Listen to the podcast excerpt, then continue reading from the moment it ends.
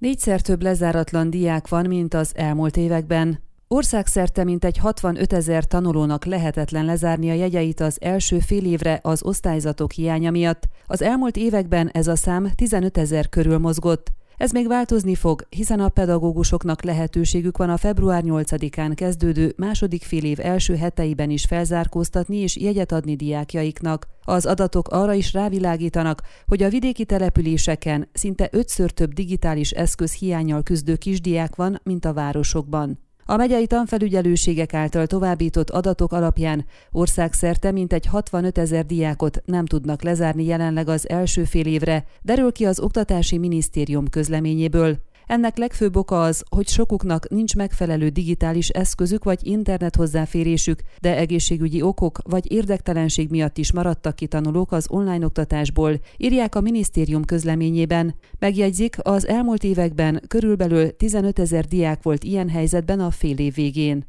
A tanügyminisztérium meghatározott néhány szükséges intézkedést is a helyzet orvoslására, felzárkóztató tevékenységek tartása a második fél év során a tanárok fizetésének finanszírozásával, továbbá az iskolai tanulmányok lezárási időtartamának meghosszabbítása, azaz a második fél év első négy-nyolc hetében is lehetőség lesz lezárni az első fél évi tanulmányokat. Ugyanakkor lehetőséget kapnak arra is, hogy lezárhassák a diákok jegyeit tantárgyként két osztályzattal is, függetlenül attól, hogy heti hány tanórájuk van az adott tantárgyból. A Maros megyei tanfelügyelőség adataiból kiderül, hogy jelenleg összesen mintegy 1700 városi és 1800 vidéki diáknak kockázatos a tanulmányi helyzet lezárása első fél évre. Több mint 13 ezer városi környezetben tanuló 0-4. osztályos közül 410 gyereknek nem tudják lezárni a jegyeit, 598 tanulónak nincs digitális eszköze, 523-nak nincs internethálózata, és mintegy 100 gyerek más okok miatt nem tudott részt venni az online oktatásban, betegség, hiányzások, érdektelenség miatt,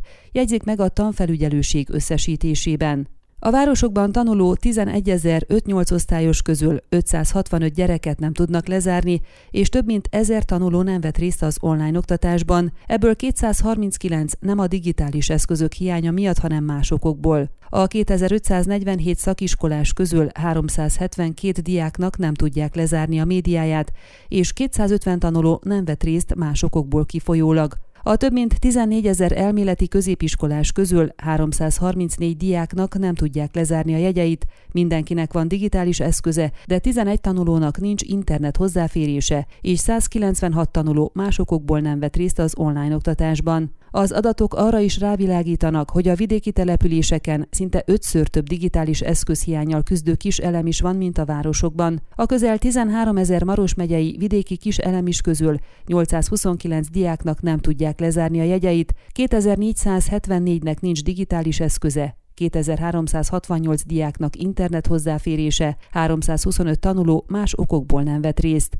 Az 5-8 osztályosok közül több mint 9000 tanul vidéki iskolákban, 1010-nek nem tudták lezárni a jegyeit, 962-nek nincs eszköze, 1083-nak nincs internet hozzáférése, 317 tanuló más okok miatt nem vett részt. A 118 vidéki szakiskolás közül 14-nek nem tudják lezárni a tanulmányait, 3-nak nincs eszköze és 20-nak internet hozzáférése, 7 más okok miatt nem vett részt. Az 502 vidéki elméleti középiskolás tanuló közül 36-nak nem tudják lezárni az osztályzatait, minden diáknak van digitális eszköze és internet hozzáférése ezen az iskolai szinten, de 36 tanuló nem vett részt más okok miatt. Hargita megyében összesen 22.795 diák tanul városi környezetben, és ezek közül 310 tanulónak nem tudják lezárni a jegyeit egyelőre. A legtöbb ilyen eset az 5-8 osztályosok között van. Az 5748 diák közül 146-nak kérdéses a tanulmányi lezárása. A legkisebbek közül csupán 31 diáknak, amint egy 7000 tanulóból nem tudják egyelőre lezárni a jegyeit a városi iskolákban.